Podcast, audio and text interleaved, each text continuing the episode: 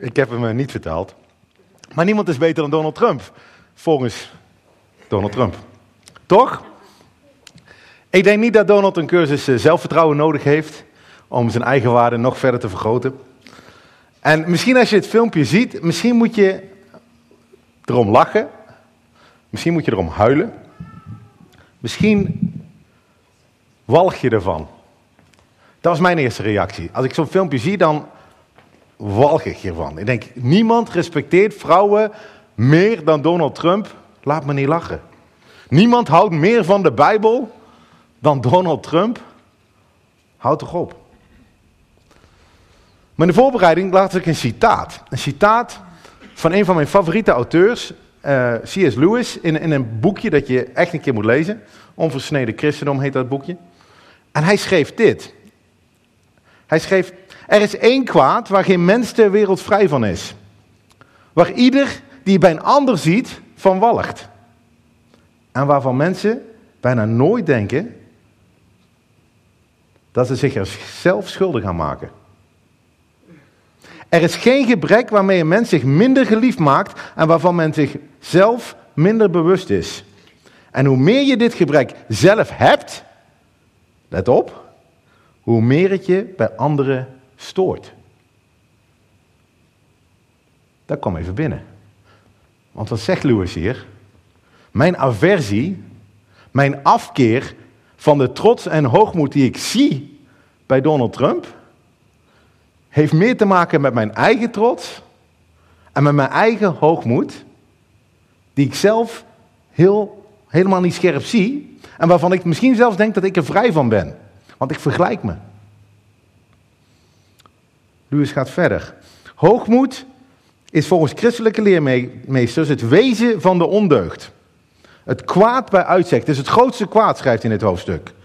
Onkuisheid, boosheid, hebzucht, dronkenschap, al die dingen meer zijn in vergelijking hiermee maar een speldenprikje. De duivel werd de duivel door hoogmoed. En hoogmoed leidt tot iedere andere ondeugd. Het is de volstrekte anti-God houding. Teunis had er net ook al over. In dat, dat laatste zinnetje van dat liedje. Wij denken vaak dat we zoveel beter zijn dan een ander. Knapper, rijker, slimmer. En hier staat dat dit trots, dat dit de volstrekte anti-godhouding is. En daarom denk ik dat het goed is dat we vandaag even wat tijd steken. En ik dacht, we hadden gewoon kunnen stoppen na het korte mini-preekje van, van Teunis. Om daar even gewoon een half uur over na te gaan denken wat daar stond. Maar ik ga toch iets meer doen vandaag. Maar laten we nou even bij onszelf houden vandaag. En kijken of we het herkennen in onszelf en wat we eraan kunnen doen. Niet zodat we op het einde van vandaag kunnen zeggen: kijk eens, hey, wij zijn beter dan die andere mensen die al die hoogmoed niet zien in hun leven. Maar zodat onze houding past bij de God die we vanochtend met elkaar willen ontmoeten. En ik doe dat natuurlijk weer aan de hand van, van de serie waar we mee bezig zijn. De serie heet Leven in Twee Koninkrijken. Een serie over Daniel. Daniel die, die 2500 jaar geleden woonde in, in Babylon. En vanaf Jeruzalem afgevoerd was naar die hoofdstad. Om daar te moeten werken als slaaf in het hof van de koning. En die probeerde te leven in dat koninkrijk van die koning van Babel, de koning Nebukadnezar. Maar ook probeerde te leven in het koninkrijk van de Almachtige God die hij kende. En vandaag zullen we zien dat die twee koninkrijken weer botsen met elkaar, knallen, frontaal. Een koning die zo vol trots zit, dat God hem eventjes moet laten zien wie uiteindelijk de Almachtige is. En ik hoop ook dat wij ook onze ogen vanochtend open mogen houden, gericht houden. Niet op Nebukadnezar, dat wij beter zijn dan hem. Niet op Daniel, hoewel we veel van hem kunnen leren. Dat we onze ogen mogen richten vanochtend op die Almachtige God. Een ontmoeting met Hem mogen hebben. Als Hij ons iets probeert te leren over het koninkrijk waar wij in leven, in Eindhoven. Als we Hem proberen te volgen. Het is een lange tekst. Ik heb een aantal uh, exemplaren gedrukt op de tafel liggen. Um, dus je kan meelezen, maar hij komt ook achter mij op het scherm gewoon. Het zit wat dubbel in, dus het gaat wat sneller dan uh, twee keer geleden, denk ik. Uh, maar het bijzondere van de tekst is, hij begint, hij is geschreven door koning Nebuchadnezzar. Dit, dit is niet Daniel die schrijft, de koning schrijft hier. Het is een soort Prinsjesdag of zo, of, of persconferentie. Hij stapt naar de microfoon toe en, en de mannen beginnen te schrijven. En, en, en dit schrijven ze op. Koning Nebukadnezar aan alle volken, naties en talen die op heel de aarde wonen. En met heel de aarde bedoelde hij zijn hele aarde, zijn koninkrijk. Mogen u vrede toenemen. Het behaagt mij de tekenen en wonderen die de Allerhoogste God van, aan mij gedaan heeft, te kennen te geven. Ik ga jullie iets vertellen over wat God met mij gedaan heeft. Hoe groot zijn, zijn zijn tekenen en hoe machtig zijn wonderen. Zijn koninkrijk is een eeuwig koninkrijk. En zijn heerschappij is van generatie op generatie. Dit is heel bijzonder, hè? Deze nederige koning zijn we nog niet eerder tegengekomen. De vorige keren wilde hij die mensen zijn huizen doodmaken. En hij wilde die mensen afslachten. En hij wilde van alles doen. En nu geeft hij in één keer eer aan een, aan een grote koning. In het vorige hoofdstuk was hij nog bezig met een enorm gouden beeld te bouwen van zichzelf. Wat is er gebeurd? Nou, daar gaat hij nu over vertellen. Hij zei, ik, Nebukadnezar, leefde zorgeloos in mijn huis en in welstand in mijn paleis. Hou zorgeloos, dat is echt voor mij een understatement. Wat hij een huis noemt, dat noemen wij een enorm paleis. Wat hij, eh, het grondgebied dat hij veroverd had, heb ik ook de eerste keer iets over gezegd. Dat liep helemaal vanaf, vanaf, vanaf Egypte tot aan Turkije en tot aan Iran. En, en, je ziet hier de plaatje, hè? ik heb even een cirkeltje gezet om Sinaï. Dat is de zandbak zeg maar in zijn tuin. En die is uh, eh, 50% groter dan Nederland. Dus een beetje, dat is zijn, zijn, zijn, zijn, zijn grondgebied. Hij had daar een harem om uh, in zijn vrije tijd mee door te brengen, zeg maar. En hij had zoveel goud over dat hij, dat hij de vorige hoofdstuk een, een beeld van 30 meter hoog ging maken van goud, omdat hij het kon. Hij hoeft geen belasting te betalen. Voor mij is dit, ik leefde zorgeloos, ja, denk prima. Hij had macht, vrouwen, geld, hij had het allemaal. Maar dan, ik zag echter een droom die mij bevreesd maakte. En de, de gedachten die ik op mijn bed kreeg en de visioenen die mij voor ogen kwamen, verschrikten mij. Hij slaapt niet lekker. We hebben het al eerder meegemaakt. De, de eerste droom van Nebuchadnezzar in hoofdstuk 2 had hij een heel verschrikkelijk beeld had hij van gedroomd. Van allemaal met materialen. En toen wilde hij aan niemand vertellen wat hij gedroomd had. En de wijzen van Babel die kwamen en die, en die kwamen geen stap verder. Alleen Daniel kon toen zijn droom uitleggen. En de betekenis ervan. Dus je zou verwachten dat de koning meteen al naar Daniel rent. Maar dat doet hij niet. Daarom werd door mij bevel gegeven al de wijzen van Babel bij mij te brengen, omdat ze mij de uitleg van de droom zouden laten weten. Ik vind het grappig, hè? Ze worden nog steeds de wijzen genoemd. In hoofdstuk 1 waren ze niet wijs, in hoofdstuk 2 waren ze niet zo wijs, in hoofdstuk 3 waren ze niet zo wijs. Nou, hoofdstuk 4. Gaan we eens kijken of ze deze keer wel wijs zijn. Toen traden de magiërs, de bezweerders, de galdeeën en de toekomstvoorspellers binnen. Ik vertelde de droom, dus nou vertelt hij wel de droom, in hun tegenwoordigheid, maar ze konden mij de uitleg ervan niet laten weten. En toen viel het kwartje. Misschien heb ik die wijze mensen niet nodig, misschien heb ik Daniel nodig. Dus tenslotte noemt hij Daniel. En hij, ik weet niet of je dat herinnert uit hoofdstuk 1, hij noemt Daniel niet Daniel, heeft Daniel een nieuwe naam gegeven, een nieuwe identiteit gegeven. Zijn naam is Beltzazar, naar de naam van mijn God. En Daniel treedt binnen en hij ziet dit, in wie ook de geest van de heilige goden is. En ik vertelde in tegenwoordigheid van hem de droom. Nou moet je weten, inmiddels is wat tijd voorbij gegaan. Daniel werd als manneke van 11, 12, 13 afgevoerd naar Babylon. Heeft een tijdje gewoond. Inmiddels is hij al 30 jaar in Babylon. Hij is ergens in de 40. Ongeveer uh, mijn leeftijd. Uh, midlife crisis noemen ze daar volgens mij. Uh, en als ik geluk heb, is het ook midlife. Hè? Ik bedoel, dat, mag ook, uh, dat zou toch mooi zijn. Een tijd waarop de haren uit je neus en uit je oren harder groeien dan op je hoofd. Het is vervelend. En dan kon je in een crisis komen. Maar Daniel zit niet in een crisis. Hij treedt binnen en het eerste wat de koning tegen hem zegt is niet, hé hey Daniel, je bent oud geworden. Of, hé hey Daniel, wat ben jij slim. Of Daniel, wat ben jij een trouwe slaaf. Hij zegt, de geest van God woont in je. De geest van God woont in. En dan gaat hij drie keer zeggen, dit hoofdstuk. Zou niet geweldig zijn als wij morgen, misschien is carnaval, ga je niet naar je werk, maar als je, als je de volgende keer dat je naar je werk gaat, dat jouw baas zou herkennen dat de geest van God in jou woont? Dat Gods geest, de Heilige Geest in ons woont? De koning spreekt met diep respect voor Daniel. Hij zegt, Beltzazar, de hoofd van de magiërs, aangezien ik weet dat de geest van de heilige goden in u is, en dat geen enkele verborgenheid voor u te moeilijk is, vertel mij de visioenen van mijn droom die ik gezien heb, te weten de uitleg ervan. Moet je je voorstellen dat de koning zo tegen jou spreekt, zo'n vertrouwen in je heeft. En hij heeft gelijk, hè? Hij heeft gelijk. Als God met je aan het werk is, is niets onmogelijk. Bij God zijn alle dingen mogelijk, zei Jezus. En waarom niet? Omdat jij of ik zo geweldig zijn, maar omdat God geweldig is en graag door ons heen werkt. En God, God is almachtig, hij kan alles. De koning legt zijn droom uit. De visioenen die nu op mijn bed voor ogen kwamen, waren deze. Ik keek toe en ik zie een boom midden op de aarde. Groot was zijn hoogte. De boom werd groot en sterk, zijn hoogte reikte tot de hemel en hij was te zien tot aan het eind van heel de aarde. Zijn loof was prachtig. Zijn vruchten waren talrijk. Er zat voedsel aan voor allen. En onder hen vonden de dieren van het veld schaduw, de vogels in de lucht verbleven in zijn takken. Alle vlees werd door hem gevoed. Wat staat hier? Hier staat dat de koning zo groot is als een boom, dat iedereen naar hem luistert, dat hij iedereen voedt, dat hij iedereen in leven houdt. Hij is geweldig. En ik denk dat dat klopt. Als Nebuchadnezzar nou ruzie met jou zocht, dan was je er niet meer. Hij had leven en dood in handen. Al het voedsel, al het graan, al het, al het eten in het koninkrijk was van hem. En als je geluk had, mocht je daar iets van hebben. En misschien dacht deze koning ook, nobody is better than Nebuchadnezzar. Ik denk het wel. Maar we gaan lezen dat dat niet zo is. De enige reden dat een koning een koning is, zal Daniel straks zeggen, is omdat God hem dit geeft. En dat geldt ook voor ons. Alles wat we hebben. Zelfs alles wat we denken dat we zelf verdiend hebben door hard te werken, is van God. God is almachtig. God is almachtig hier over de koninkrijken van de aarde.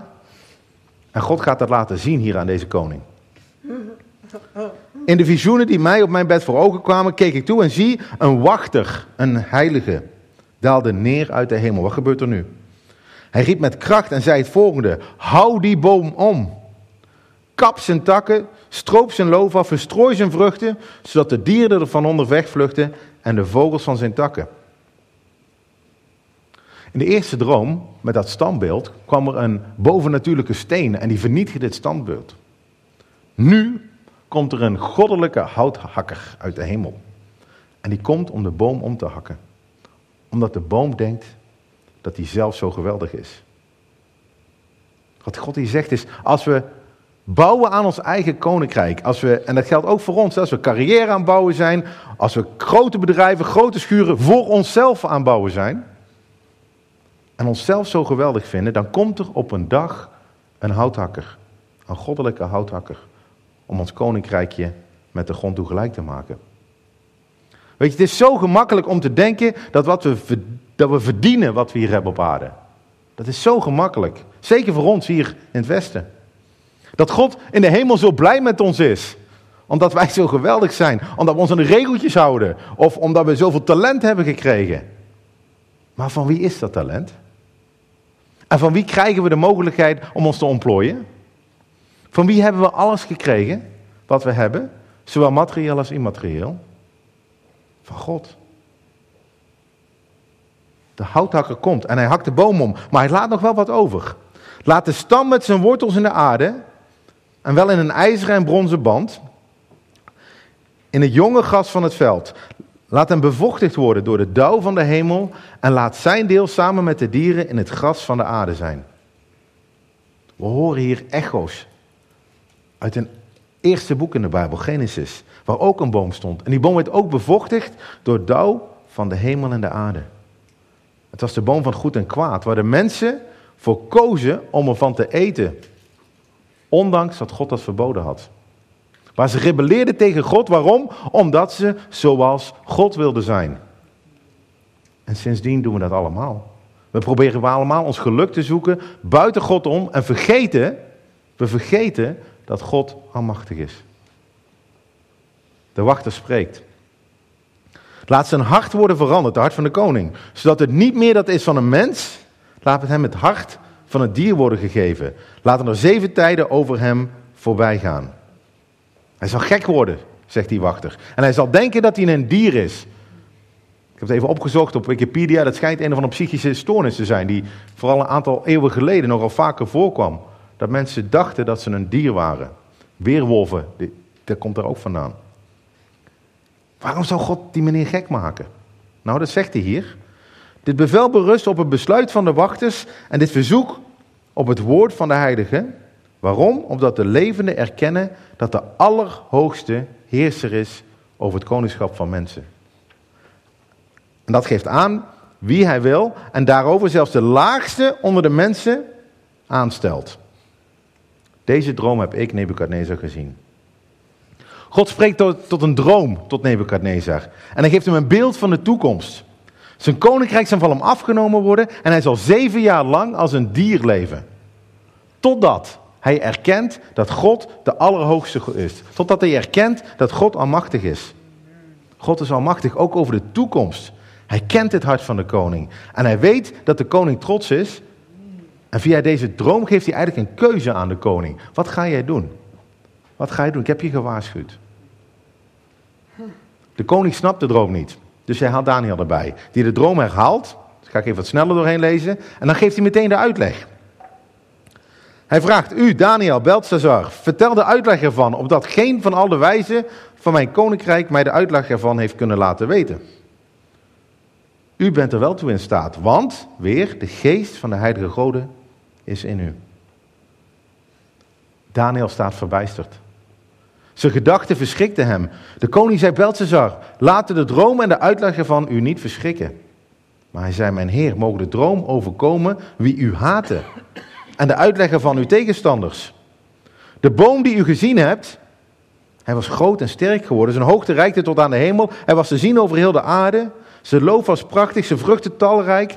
Er zat voedsel aan voor allen. De dieren van het veld verbleven eronder, de vogels in de lucht nestelden in zijn takken. Dat bent u, o koning, die groot en sterk bent geworden.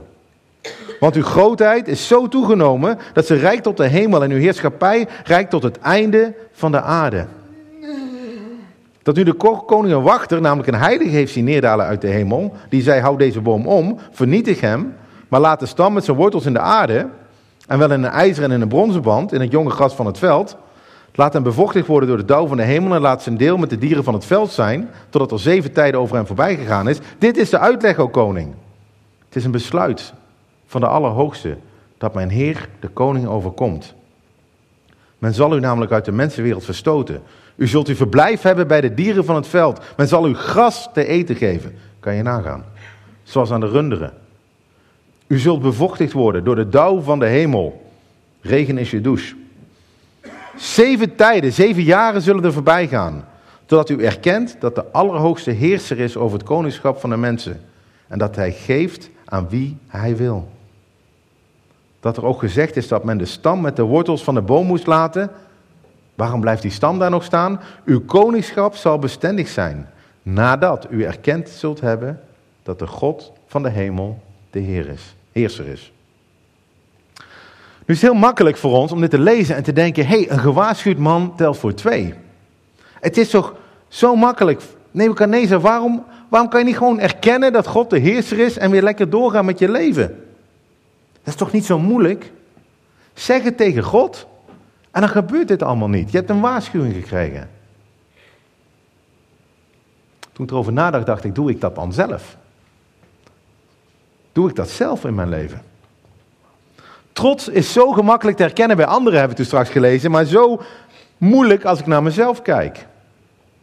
Waaruit blijkt in mijn leven dat God Heer is, heerser is. Dat ik denk dat God almachtig is. Of andersom misschien, uit welke dingen in mijn leven blijkt eigenlijk dat ik zelf de Heer van mijn leven ben en niet God. Als jij zou kijken naar mijn Google Of ik laat je een kijkje nemen in mijn bankrekening, tot welke conclusie kom je dan? Over wie of wat echt belangrijk is in mijn leven. En over wie de baas is. En andersom, als ik naar jouw tijdgeld en naar jouw geld kijk, en jouw uitgaven, kom ik dan tot de conclusie dat God heerser is, almachtig is over jouw leven? Is God daadwerkelijk almachtig over ons leven? Of is geld dat? En plezier en geluk en werk en familie en carrière. Allemaal goede dingen. Maar die soms een te hoge plek krijgen in ons leven. De Bijbel zegt God is almachtig. En dat alles wat we proberen vast te houden hier op aarde uiteindelijk weg zal gaan. Alles is tijdelijk. Maar hoe vaak denken we daaraan? Een paar keer per jaar als we bij een uitvaart zijn van iemand misschien. Van een week een collega die overleden is. Dan staan we even bij stil wat echt belangrijk is in het leven. Maar normaal gesproken druk ik dat weg. God waarschuwt zijn volk de hele Bijbel door. Als je een Bijbel gelezen hebt, denk je op een gegeven moment, nou, het wordt wel een beetje herhalen, herhalen, herhalen, herhalen. Want hij waarschuwt ze keer op keer, vergeet mij niet. Vergeet mij niet als het goed met je gaat. Als je eet, als je in goede huizen woont. Als je rijk wordt. Pas dan op dat je niet gaat denken dat je het zelf gedaan hebt, zegt God. En mij vergeet. En toch vergeten we hem. Daniel probeert het toch. Hij zegt, koning, laat mijn raad u welgevallig zijn. Breek met uw zonde. Door gerechtigheid te betrachten en met uw ongerechtigheden door genade te bewijzen aan de ellendigen. Dus draai u om, bekeer je van wat je aan het doen bent. Misschien zal er dan wel verlenging zijn van uw voorspoed. Dit kwam ook weer binnen bij mij. Ik, ik, las dit ik denk, wow. In Daniels leven is God wel almachtig. Want kijk eens wat hier gebeurd is. Daniel, Daniel woont in Babylon al, al 30 jaar, maar hij is God niet vergeten. Want wat hij hier tegen de koning zegt is eigenlijk, zoals je tegen Donald Trump zou kunnen zeggen. Donald Trump, je wordt een dier totdat je erkent dat nobody does it better dan God. Dus alsjeblieft, breek met je zonde, bekeer je, draai 180 graden om, zodat je langer president kan blijven. Hij pleit ervoor dat de koning langer aan mag blijven. Moet je je voorstellen, dat het de koning goed gaat. Deze koning heeft hem gekidnapt. Deze koning heeft zijn kerk tot de grond toe afgebrand. Deze koning heeft hem laten castreren, heren. Voel je dat? Deze koning heeft hem tot slaaf gemaakt. En dan reageert hij zo? Met liefde? Met de beste wensen voor die koning? Zonder enig eigenbelang? De geest van God is in Daniel. Dit is bovennatuurlijk. En als ik eerlijk ben, als ik daar had gestaan, had ik in mijn handjes geknepen. Want hij was de tweede man in het koninkrijk. Weet je wat er gebeurt als de koning weg is? Dan ben ik de eerste man. Dan ben ik de koning. Heb ik een grote zandbak in Sinaï waar ik in kan spelen. Geweldig toch? God gaat je, ik zou zeggen, hé, hey, God heeft een mooie droom voor jou. God gaat je uit de weg ruimen. Ha, ha, ha, ha. Dat zou ik doen. Grote boom, grote houthakker. Tot ziens. Daniel is zo nederig hier. En zo vol met liefde voor die koning. En we zien hier hoe Gods koninkrijk knalt. En Gods geest knalt met een geest van trots en hoogmoed. En dat is niet door hem erboven te stellen, maar juist een nederige weg. Door liefde en de beste wensen voor de koning. Geen eigen belang. Maar het gebeurde toch. Dit alles overkwam koning Nebukadnezar. Na verloop van twaalf maanden heeft hij waarschuwing gehad. Hij heeft twaalf maanden gewacht. Was hij aan het wandelen op het dak van het koninklijk paleis van Babel. Hij had twaalf maanden om na te denken over zijn zonde. Twaalf maanden de tijd om te zeggen: God, u bent almachtig, ik wil u volgen. Ik herken dat ook. Ik heb ook even moeten wachten totdat ik dat tegen God durfde te zeggen. Tot ik een keuze voor hem durfde te maken. Volgende week doe ik dat misschien wel. Of over twee weken. Of volgende maand. De koning heeft hier al twaalf maanden heeft hij het uitgesteld. Ik doe het volgende week. En dan loopt hij op een gegeven moment over zijn dak. En weet jullie wat op het dak? Zegt jullie dat iets? Babylon. Wereldwonders. Hangende tuinen. Hij loopt op zijn dak. Het is geweldig daar. De hangende tuinen van Babylon. En hij loopt. En wat doet hij? Hij kijkt naar beneden, want hij loopt op zijn dak. Hij kijkt naar zijn stad. Naar zijn koninkrijk. Naar zijn mooie tuin die hij gebouwd heeft. Hij kijkt naar beneden. En dat is de fout die hij hier maakt. Lewis schrijft nog iets moois, voordat ik verder lees. In datzelfde hoofdstukje over over hoogmoed. Hij zegt, bij God kom je te staan tegenover iets dat in ieder opzicht onmetelijk is. Onmetelijk ver boven jezelf verheven is. En zolang je God zo niet kent, en jezelf dan ook niet, als zijnde niets in vergelijking daarmee, ken je God helemaal niet. Zolang je hoogmoedig bent, kun je God niet kennen. Een hoogmoedig mens kijkt altijd op dingen en mensen neer. Kijk naar beneden.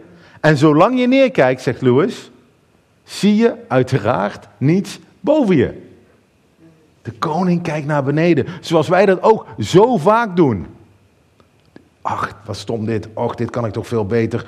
Oh, wat is die persoon toch dom. Oh, kijk eens op dit tv-programma. Oh, wat een stelletje ukkels. Naar beneden kijken.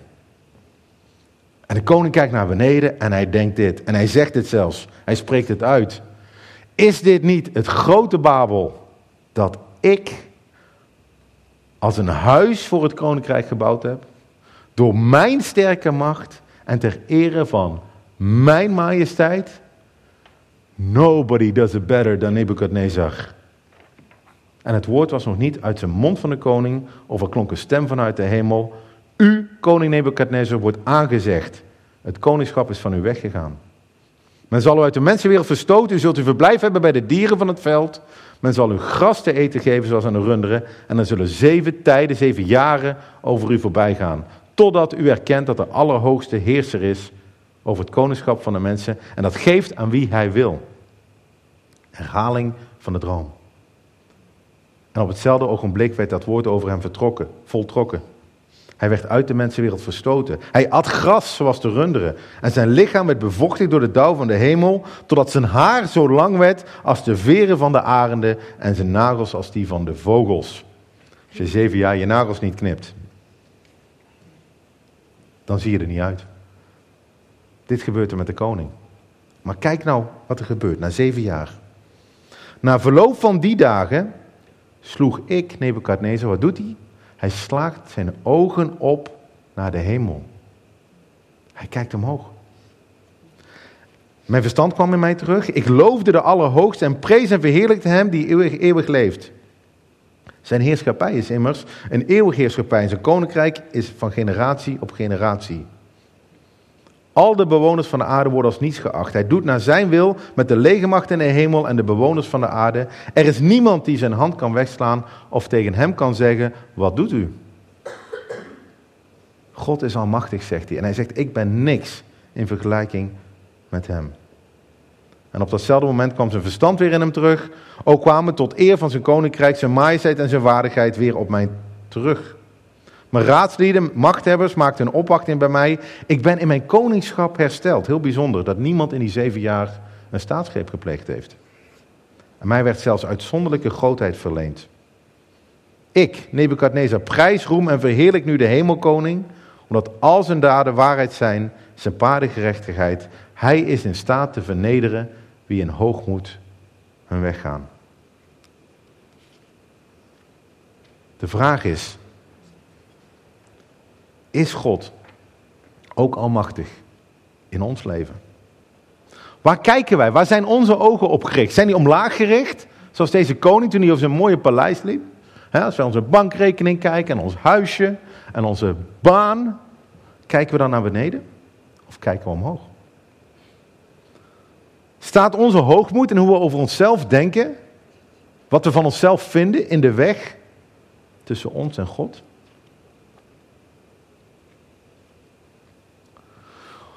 Het eind van het hoofdstuk van C.S. Lewis over hoogmoed maakt hij een heel interessante opmerking. Hij, zegt, als we iemand tegenkwamen die echt nederig was, dan zouden we nooit denken, wow, die persoon is nederig. Dat, dat denk je niet. Zo iemand zal ook niet over zichzelf zeggen, oh, ik ben een nobody. Dat zegt niet. Want als je de hele tijd roept, ik ben niemand, dan ben je ook veel te veel met jezelf bezig. Zeggen dat je beter bent dan Trump? Of zeggen dat je slechter bent dan Trump? Of die massamoordenaar waar we het net over gehad hebben? Zegt weer iets over jezelf. Lewis schrijft, nederigheid is niet meer over mezelf denken of minder van mezelf denken, maar minder aan mezelf denken, minder denken over mezelf. Gewoon minder denken. Gericht zijn op de ander in plaats van op jezelf. In plaats van continu te af te vragen, wat vindt die ander van mij? Wat vinden jullie van mij? En dat geeft een enorme bevrijding. Als je niet continu denkt, wat vinden anderen van mij? Als je kan vergeten, jezelf kan vergeten en niet afhankelijk bent van goedkeuring van anderen.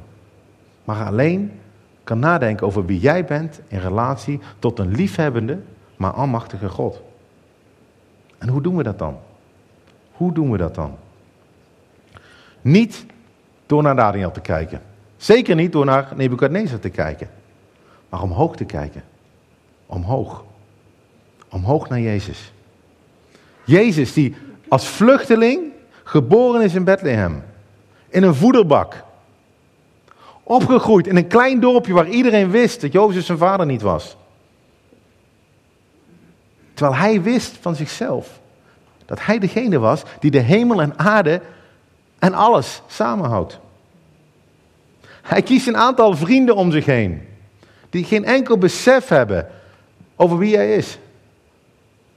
Die zelfs vechten met elkaar over wie de grootste zal zijn in het koninkrijk. En wat doet hij dan?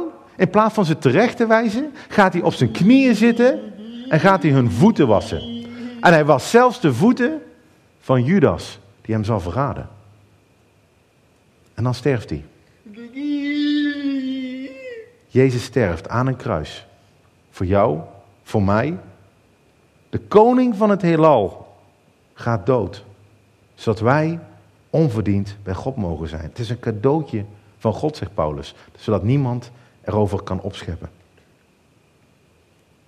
Ik wil dat we daar onze focus op houden vanochtend, op die Jezus. En ik heb in de programmablaadje heb ik een korte tekst gezet en dan wil ik mee eindigen. Het is een tekst van Paulus waarin hij zo treffend omschrijft hoe nederig Jezus was.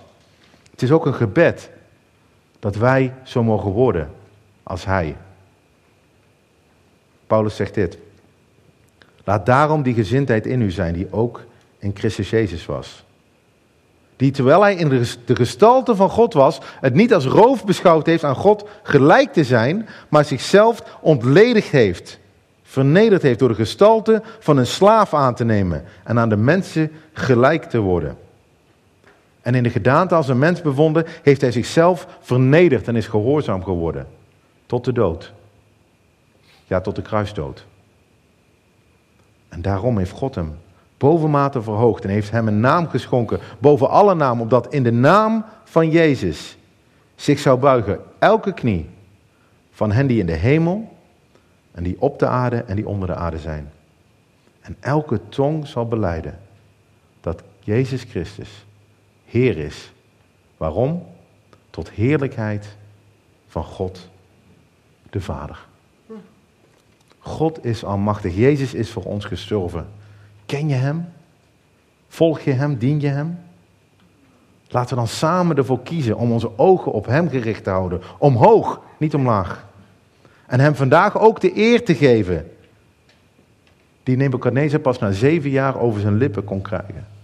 Dat God almachtig is, heerser is over ons leven en alles wat we hebben. Laten we bidden. Vader God, dit, deze tekst, die raakt mij, Heer. En rationeel weet ik het, Heer, maar u bent Heer. U bent Heer over mij. U hebt alles te zeggen over mij. U bent gestorven voor mij om mij te winnen. En ik wil u dienen, Heer. Heer, vergeef ons.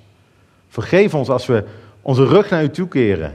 En met die anti-godhouding van trots komen, Heer. Dat we zo trots zijn over wat wij gedaan hebben en u niet de eer geven.